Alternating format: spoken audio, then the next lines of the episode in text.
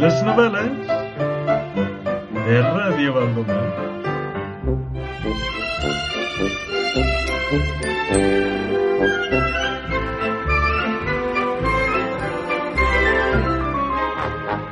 Turco presenta La salsa de Medusa. No hay excusa. hi havia una vegada el Noel AA a un, a un escenari i llavors un fan que estava enfadat va a pujar a l'escenari i va a voler pegar. Però llavors el turco va a pujar a l'escenari i va agafar el micro i va a començar a cantar. No hay excusa, no hay excusa, la medusa, la medusa, la medusa, no hay excusa, no ué, ué, no hay excusa. Quan va a acabar el, el, el el turco va a cuinar una medusa en su salsa i la va a repartir a tothom. Hola, em dic Diego i avui us presentaré la meva nova novela titulada La Medusa. Había una vez un niño que fue a la playa. Se estaba bañando y encontró una medusa. El niño dijo, oh, un animalito del mar. Y al niño bien tonto la tocó.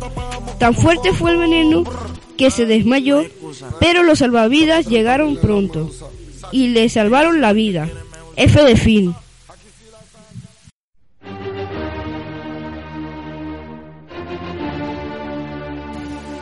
El divendres 27 de gener a les, a les 3 i 45 de la nit una noia va anar-se a la seva casa després de salir de festa i el seu exnovi la va veure.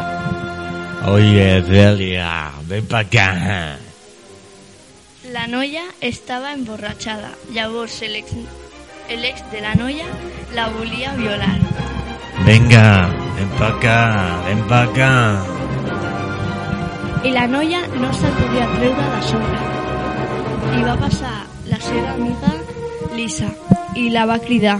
Ajuda! Ajuda! Celia, ets tu?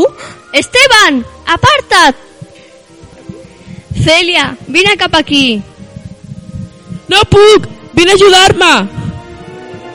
Ja vinc, estiguis tranquil·la. Corre, anem! Puja't al meu cotxe.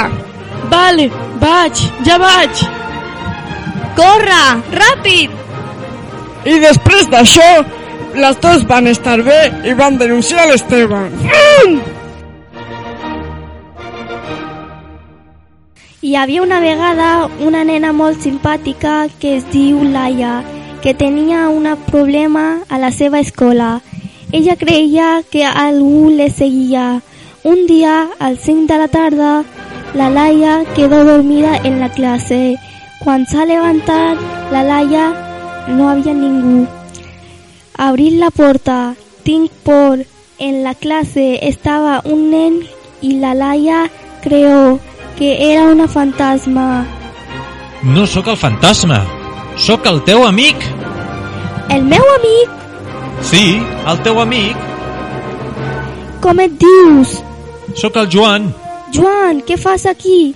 T'estava seguint, Per què em seguies? perquè tenies por. I ara ja no tens por, no? Joan, eres el meu millor amic. De res, Laia.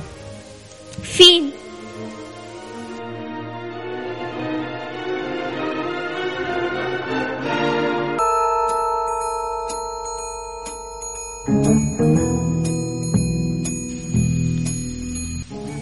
Julia llegó a casa después de otro día agotador en la universidad. Abrió la puerta encontrándose con la escalofriante mirada de Raúl, sabiendo lo que le esperaba. Julia, ¿dónde estabas? ¿Otra vez llegando tarde? ¿Con quién estabas esta vez? Habló Raúl con rabia y coraje en sus palabras. Cariño, estaba en la biblioteca. Cálmate. Estaba estudiando para el examen de mañana. Entonces Raúl respondió furioso acercándose. ¿Qué examen ni qué mierdas? ¿Para qué estudias si no te dejaré trabajar? Raúl, no me puedes impedir cumplir mi sueño. Tú harás lo que yo te diga. Sube arriba y prepara las maletas, que nos vamos a Salamanca. Dijo Raúl estirándome del brazo. Subí a regañadientes maldiciendo a mi supuesto novio. Hice la maleta, pero decidí coger una mochila a guardar, una navaja y guantes por si acaso. ¡Julia! ¡Baja ya! Oí la voz de Raúl gritándome para que bajara ya. Cogí mi maleta y me puse la mochila. Bajé corriendo esperando a que no se enfadara más de lo que ya estaba. Salimos de casa. El trayecto fue bastante incómodo.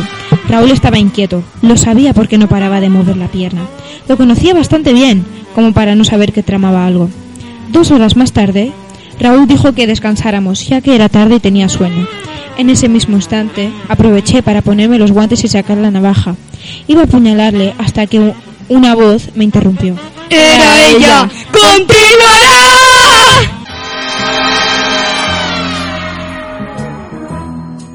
I fins aquí les intrigants novel·les de Ràdio Baldomer.